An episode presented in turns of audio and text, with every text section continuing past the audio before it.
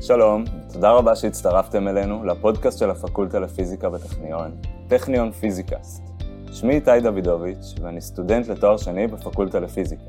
אני שמח לארח את פרופסור אסא אוירבך, חוקר הטכניון בתחום התיאוריה של החומר המעובה. אסא הוא בוגר תואר ראשון בפיזיקה מהאוניברסיטה העברית, בוגר תואר שני ממכון ויצמן. את הדוקטורט עשה באוניברסיטת סטוני ברוק בניו יורק. לאחר מכן המשיך לפוסט-דוק באוניברסיטת שיקגו, ומשם לחבר סגל באוניברסיטת בוסטון. מאז 1991, אסא הוא פרופסור ואיש סגל בטכניון. שלום אסא, תודה שהצטרפת אליי היום, מה שלומך? מצוין, תודה שהזמנת אותי. אז בוא נתחיל מהסבר, מה זה בעצם פיזיקה של החומר המעובה? אוקיי, okay, החומר המעובה כולל אה, מוצקים ונוזלים, זה תחום מאוד רחב, וחוקרים בעצם אה, את הכל, מהמבנה האטומי עד לתכונות המקרוסקופיות, כלומר קשיחות, הולכה של החשמל והחום, מגנטיות אה, ועוד אה, תכונות של החומר. אה, ואנחנו בעצם רוצים להבין את כל האפקטים האלה תוך ידיעה של האינטראקציות המיקרוסקופיות, כלומר הכוחות האלמנטריים ביותר בין האטומים שמרכיבים את החומר. אתה בעצם חוקר איך האטומים מדברים אחד עם השני. נכון. אז איזה סוגים של כאלה אינטראקציות קיימות לנו בין החלקיקים? אוקיי, okay, האינטראקציות במצב המעובה הן דווקא פשוטות, האינטראקציות המיקרוסקופיות הן מאוד פשוטות, זה בעצם חוק כולום, זה הכוחות החשמליים והמגנטיים, אה, וכמובן צריך אה, לטפל בהם באמצעות מכניקה קוונטית. אה, אמנם אנחנו יודעים את הכוחות, אבל הפתרון של הבעיה הרב גופית היא הדבר המסובך כאן. אה, כמו שאתם יודעים, אה, אנחנו יודעים לפתור אה, תנועה של גוף בודד או שני גופים, אבל כשאנחנו מדברים על הרבה גופים, ובמיוחד במצב המעובה יש לנו הרבה מאוד גופים, אז הבעיה נעשית מסובכת. עכשיו, מה שמעניין בסיפור הזה זה שאמנם האינטראקציות הן פשוטות, אבל כשאנחנו לוקחים הרבה מאוד אטומים ואנחנו מסתכלים על מה הם עושים ביחד, נוצרות תופעות טבע חדשות ומפתיעות. אה, וזה בעצם הסיבה שהתחום הזה הוא מאוד מעניין. אתה בעצם אומר שהאבני בניין של החומר, כלומר החלקיקים הם יחסית פשוטים להבנה, אבל ברגע שיש לי הרבה מהם ביחד, אז איך שהם מדברים אחד עם השני, אז זה נותן לנו כל מיני תופעות מגוונות ומעניינות. נכון, נכון. מי שטבע את המושג המנחה בכל התחום הזה, זה היה אה, פיל אנדרסון, אה, פרופסור אה, מפרינסטון שהלך לעולמו בשנה שעברה, אה, הוא קרא לזה more is different וזה בעצם האסנס, זה, זה הבסיס של כל העניין בתחום. אנחנו מקבלים דברים חדשים שלא פיללנו להם מתוך הסיבוכיות של הבעיה ומתוך הריבוי של דרגות החופש. אז למשל אנחנו רואים את זה בהרבה תופעות בטבע, לא רק במצב המוצק, אה, שאנחנו לוקחים אה, מערכת אה, כמו מים, אנחנו מזרימים אותה ופתאום אנחנו מקבלים מערבולות או מבנים חדשים שאם הסתכלנו על הכוחות הבסיסיים לא היינו מנחשים שהם קיימים. זה קצת מזכיר משחקים שהחוקי הפעולה שלהם הם מאוד פשוטים אבל ברגע שמתחילים לשחק אותם מקבלים פתאום תצורות מאוד מסובכות כמו למשל לגו אה, עוד דבר אחד שהוא לא התחום מחקר שלי אבל אה, הוא נותן כאילו את הדוגמה הכי קיצונית למוריס דיפרנט זה הביולוגיה. אנחנו אה, די מבינים את האינטראקציות בין המולקולות אבל להסביר איך הציפור הזאת עפה ואיך היצור הזה מתרבה זה כבר מאוד מפתיע בהתחשב באינטראקציות הפשוטות שיצרו אותן כן, טוב, אולי להגיד שהאבני בניין, החלקיקים הם אה, אה, פשוטים להבנה זה קצת overstatement, אני לא רוצה להעליב את כל מי שמתעסק בחלקיקים הבודדים, אבל באמת מה שמעניין אותנו זה, ה... אה, בתחום שלנו לפחות, זה איך הם מדברים אחד עם השני. נכון, זה, זה התופעות שנגרמות כתוצאה מהריבוי של החלקיקים, ויש מספר אה, אה, תופעות, הדבר החזק ביותר שאנחנו אה, מכירים במצב המוצק זה שבירה ספונטנית של סימטריה. אוקיי, okay, אז רגע, לפני שאנחנו צוללים לתוך המושג הזה, בואו ניקח איזשהו צעד אחורה. כשפיזיקאים אומרים סימטריה, למה הם אה, מתכוונים? אוקיי, okay, סימטריה זה בעצם דבר פשוט, זה חוסר תלות של המשוואות, של האנרגיה, באיזשהו גודל פיזיקלי. אמ, למשל, דוגמה, אנחנו יכולים אה, לחשוב על אה, אטומים שמרכיבים שולחן, ואנחנו מסתכלים ורואים שהשולחן נמצא במקום מסוים בחדר, אבל אם אנחנו נחשוב על האנרגיה, אז השולחן הזה יכל להימצא בכל מקום אחר בחדר, באותה אנרגיה. מה גרם לו לבחור מקום מסוים, או מה גרם לכל האטומים להתקבץ במקום אחד ולהפוך למצב המוצק ששבר בעצם את הסימטריה, כלומר את חוסר התלות של המשוואות במקום, והחליט על מקום מסוים ולא מקום אחר. אז זו דוגמה פשוטה לשבירה של סימטריה הזזות זה נקרא. אוקיי, okay, אז אני יכול לתת אה, דוגמה שאני נתקלתי בה במהלך לימודיי לתואר ראשון, זה אה, חמור שהולך אה, לצד בעליו בשדה וסוחב הרבה ציוד, ומשני צידי החמור יש שני שקי אוכל שממוקמים באותו גובה, אז מבחינה אנרגטית, החמור, אם הוא אוכל מצד ימין או מצד שמאל, זה עולה לאותה אנרגיה, זה לוקח לאותה כמות של אנרגיה, אז מבחינה פיזיקלית, החמור לעולם לא יאכל, כי הוא לא יודע לעולם אם לאכול מצד ימין או מצד שמאל, אבל כמו שאנחנו יודעים בחיים האמיתיים, כמו בחיים, החמור נהיה רעב, ובסוף כן יאכל, אה, ובעצם זה שהוא בוחר לאכול משק ימין או שק שמאל, לא, זה לא כל כך משנה, הוא בעצם שובר את הסימטריה שיש לנו במערכת. כך המצב שבסוף יש, שובר את הסימטריה של המערכת המקורית. הדוגמה שנתת היא בעצם מאוד טבעית בעולם הביולוגיה, אה, במצב המוצק אנחנו אה, יודעים שהשבירת סימטריה הספונטנית, כלומר זאת שקורית ללא שום השפעה חיצונית, אה, נעשית רק כאשר יש לנו אין סוף דרגות חופש באופן מתמטי, כמובן אף פעם אין לנו אין סוף, אבל כשיש לנו המון המון דרגות חופש זה מתאפשר, כמו שלמשל במגנט אנחנו יכולים לחשוב על אוסף של דיפולים מגנטיים, שבגלל הצימוד שלהם זה לזה, בגלל האינטראקציות, הם אה, כולם מחליטים לכוון למשל לכיוון אה, צפון או לכיוון מערב, אה, אם אין לנו כוח שאומר להם איזה כיוון עדיף, אז הבחירה שלהם היא אקראית, אבל כל האטומים בסופו של דבר מכוונים לאותו כיוון בגלל האינטראקציות ביניהם ובגלל ריבוי דרגות החופש. הדוגמה השנייה זה התמצקות של למשל מים לקרח, ששם שוב פעם הם אה, המולקולות במקום אה, להיות, אה, לשוטט בכל מרחב הכלי, הן מחליטות לשבור את הסימטריה לזזות ולהימצא במקומות מאוד מסוימים ולהפוך לחלק מהמוצק. מה זה בעצם מלמד אותנו, השבירת סימטריה הזו? זה more is different, זה בדיוק דוגמה לעובדה שאנחנו צריכים הרבה מאוד דרגות חופש בשביל לקבל את התופעה הזאת של שבירת סימטריה ספונטנית. אנחנו אה, רואים את זה גם אה, בתחום המחקר שלי שהוא אה, על מוליכות. אז אוקיי, אז בוא נצלול באמת יותר לתוך, לתוך תחום המחקר הספציפי שלך. הזכרת על מוליכות, האם תוכל להסביר מה זה בעצם על מוליכות? אוקיי, על מוליכות זו תופעה שקורית במתכות בטמפרטורות נמוכות. היא בעצם אה, תוצאה של אה, מכניקה קוונטית, היא אפשר להגיד הרמה של הפיזיקה של המכניקה הקוונטית לסקלות של אה, מטר, סנטימטר, קילוגרם, כלומר לגודל מקרוסקופי שאנחנו יכולים לחזות במעבדה ומה שמעניין שההבנה של התופעה הזאת שהיא בעצם מתכת שהופכת להיות חסרת כל התנגדות, כלומר התנגדות זהותית שווה לאפס, אה, בלי חיכוך, אה, אפילו בטמפרטורה סופית.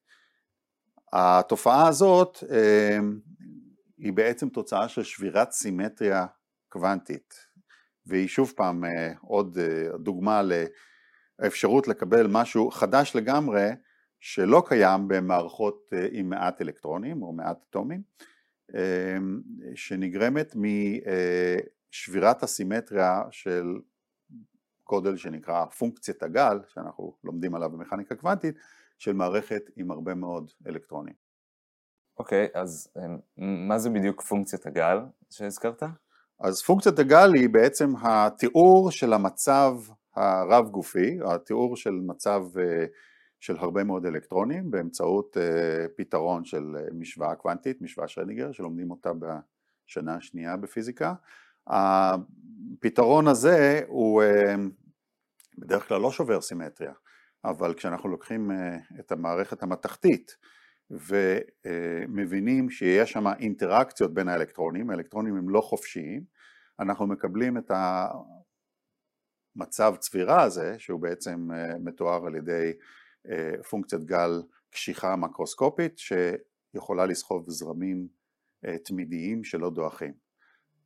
יש הדגמה של האפקט הזה ביוטיוב, ביוטיוב של הטכניון שנקרא Quantum Levitation שאני אה, מסביר את זה באמצעות אה, שני סטודנטים, אה, או לא, לא מסביר אלא יותר מדגים את זה. כן, מאוד מומלץ, מאוד מומלץ להיכנס לסרטון.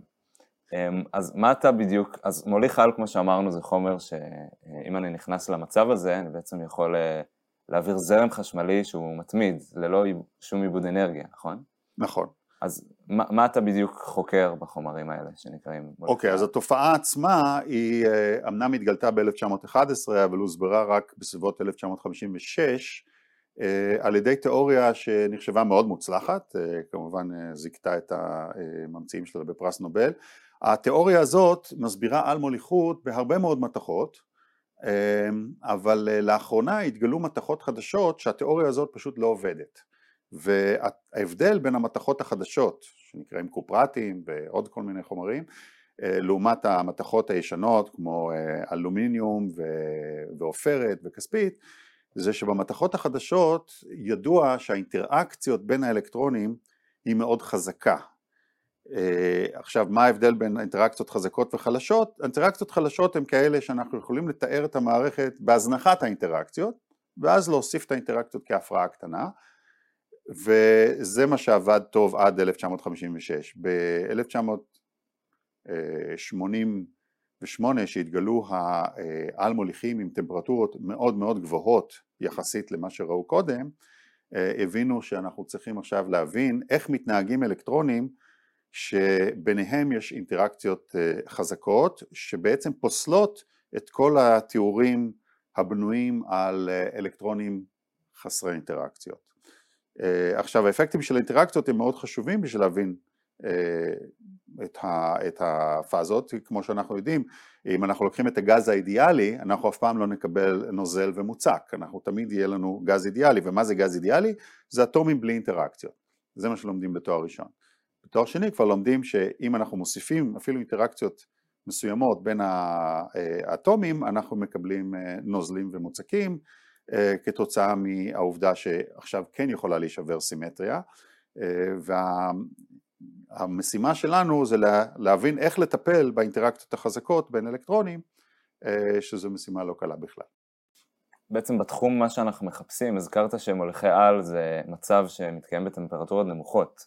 אנחנו מחפשים חומרים כאלה שמקיימים את התכונה הזאת בטמפרטורות גבוהות, נכון? זה ישנה בעצם את, זה יהיה תגלית מאוד משמעותית אם מישהו ימצא את זה. נכון, היישום של על מוליכות בתעשיית החשמל והאלקטרוניקה הוא יחסית אה, לא גבוה בגלל הצורך בקירור עז בשביל להגיע לעל מוליכות, אבל אה, אם נמצא על מוליכות בטמפרטורות גבוהות וכבר עכשיו בגלל החומרים החדשים יש יישומים בהולכת חשמל בצפיפות זרם מאוד מאוד גבוהה וזה חשוב למשל להולכת אנרגיה ממקור אה, נגיד אה, סולארי או מקור של, אה, של איזה תחנת כוח לצרכנים כאשר אנחנו רוצים להעביר צפיפות זרם מאוד גבוהה ממקום אחד למקום שני בזרם ישר.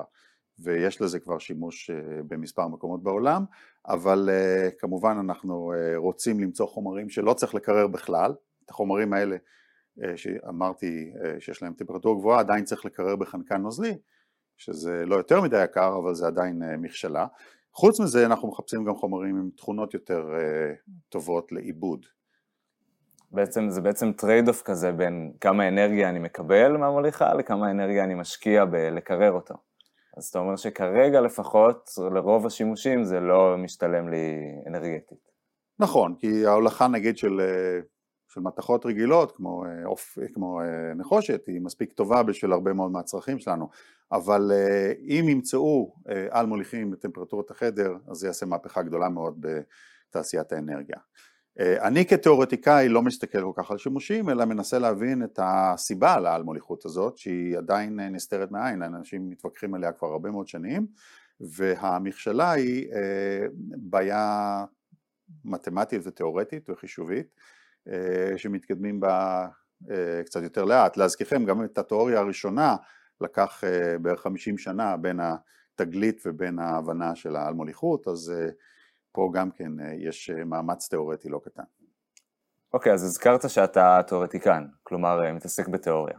האם יש לך אינטראקציה כלשהי עם ניסיונאים? כלומר חוקרים שמבצעים ניסוי במעבדה?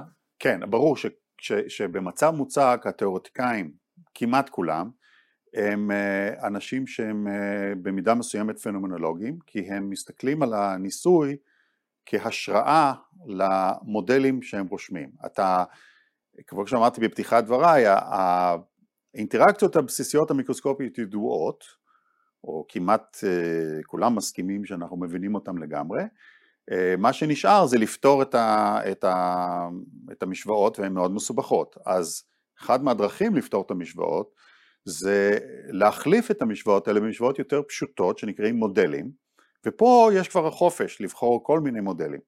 ופעם שמוסכם על איזשהו מודל שהוא פשוט מספיק כדי שאפשר יהיה לפתור אותו, אז uh, נשאר את הבעיה כמובן של לפתור אותו, וזה מה שאני עושה.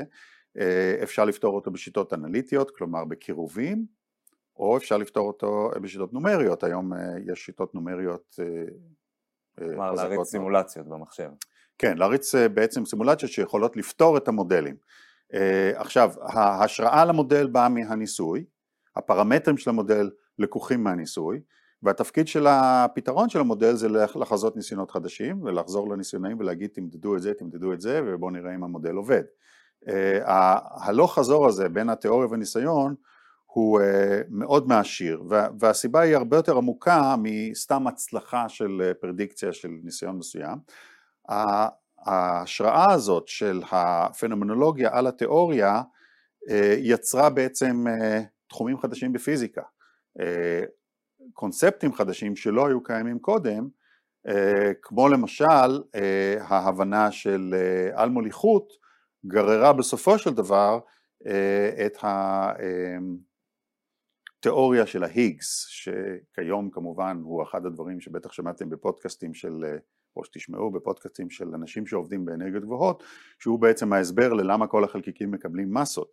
אז מתברר שההשראה להבנה שהוואקום שלנו אה, הוא בעצם על נוזל או על מוליך אה, הוא בעצם הבסיס של ההבנה אה, למה חלקיקים שאמורים לפי התיאוריה הפשוטה להיות חסרי מסה כמו האלקטרון והפיון וכל אלה מקבלים את המסות שלהם מהעל נוזל הזה שנקרא היגס אז אנחנו רואים כאן ש...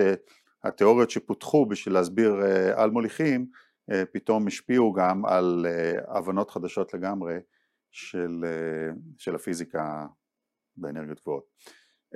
אנחנו מפתחים גם אלגוריתמים שהם מאוד יעילים לפתרון של משוואות מסובכות, אחד האלגוריתמים האלה זה כמובן המטרופוליס או המונטה קרלו מה שנקרא, השיטות האלה היום מוצאות אה, המון יישומים במדעי המחשב ובלימוד עמוק ובכל הדברים הכי חמים בתורת האינפורמציה. אה, אז, אז יש המון אה, דו שיח גם בין התיאוריות שאנחנו עושים למצב המוצק ובין תחומים אחרים בפיזיקה. טוב, אז נגענו בהמון נושאים שלצערנו במסגרת הפודקאסט הזה לא יהיה לנו זמן להיכנס אליהם. אה, אבל זה טוב, כי נשאיר את המאזינים שלנו עם טעם של עוד, והם יבואו לעשות אה, תואר שני בפקולטה. אה, אז דווקא יש כן נושא שאני אשמח לדבר איתך עליו, זה אתה כתבת ספר קומיקס, שנוגע נכון. בקונספט שנקרא אנטרופיה, שקשור קצת למה שדיברנו עליו היום, אז אני מאוד אשמח אם תוכל להסביר גם טיפה על הקומיקס וגם על מהי אנטרופיה. הקומיקס נקרא Max the Demon vs. Entropy of Doom, זה סיפור על גיבור על שמגיע לכדור הארץ להציל אותו מהתחממות יתר, או במילים אחרות מיצירת יתר של אנטרופיה. הספר מסביר מהי אנטרופיה, אני מוצא את הנושא של הסבר הבסיסי של מהו אנטרופיה כנושא מרתק כי אנטרופיה זה עוד דוגמה למוריס דיפרנט אנטרופיה זה מושג שהומצא על מנת להסביר מערכות רבות חלקיקים, כמו בתרמודינמיקה, גזים, נוזלים וכולי, אה, שנובעת מהסטטיסטיקה של ריבוי האפשרויות שהחלקיקים האלה יימצאו בהם, אה, שבעצם דוחפת את התנועה של אה, גזים ונוזלים. הדוגמה הכי פשוטה גז למשל רוצה לזרום מלחץ גבוה ללחץ נמוך, לא מוסבר על ידי פיזיקה ניוטונית, על ידי מכניקה, מכיוון שעל האטומים לא פועל כוח, אז מה בעצם גורם להם לצאת מהאזור של הלחץ הגבוה ללחץ הנמוך, אם כל האפקט הוא אה, תנועה אקראית של אלקטרונים אה, בתוך הגז, והתשובה היא ההסתברות, התשובה היא סטטיסטיקה, היא ריבוי האפשרויות של החלקיקים להיות מחוץ לקופסה מאשר בתוך הקופסה והריבוי הזה הוא בעצם אה, גורם לעובדה שגז זורם מלחץ גבוה ללחץ נמוך או שחום זורם מטמפרטורה גבוהה לטמפרטורה נמוכה.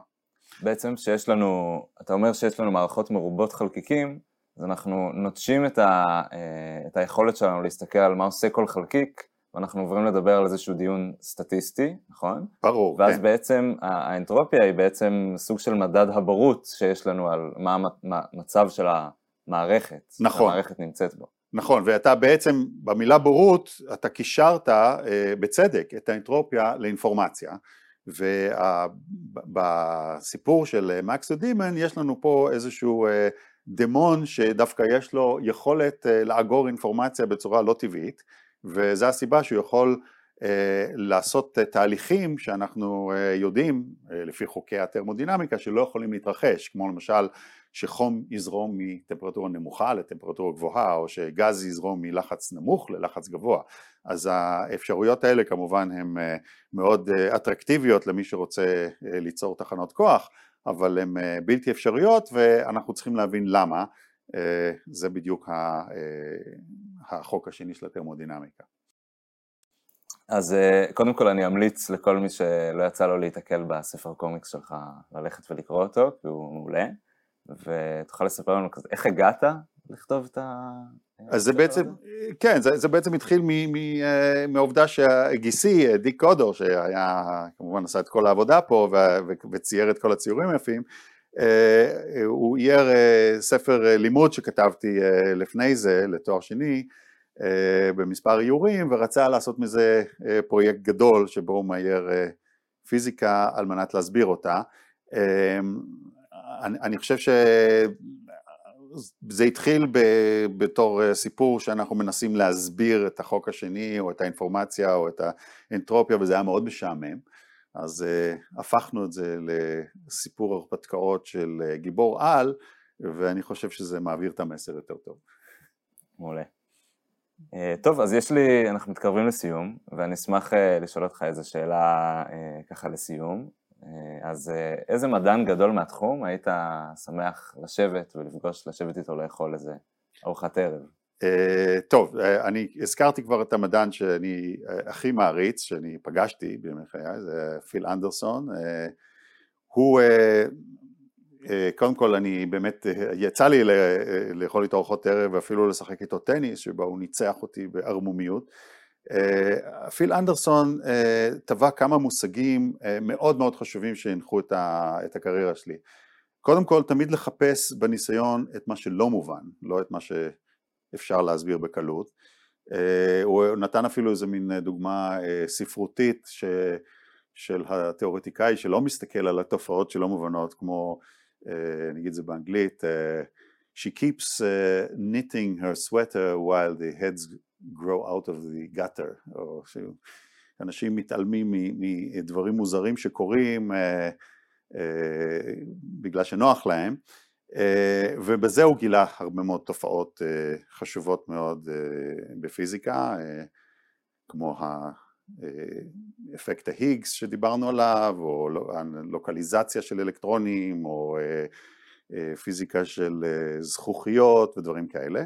הדבר השני שלמדתי ממנו, ולכן הייתי באמת שמח עוד פעם לשבת איתו ולדבר, זה הוא ידע לחשוב כמו אלקטרון, הוא ידע להיכנס לתוך המשוואות המסובכות ולשים את עצמו בתור אחת הדרגות חופש ולהסתכל מסביב ולראות מה קורה ועל ידי זה הוא המציא את האינטראקציה האנטי פרומגנטית בתוך מוצקים או כל מיני דברים מאוד חשובים והבין את העל מוליכות בצורה הכי עמוקה שאפשר אמ, ואני מסתכל על, ה, על הגישה הזאת כבאמת הדרך הנכונה אה, ללמוד מן הטבע אה, את התיאוריה, את, ה, את המתמטיקה ולא להפך.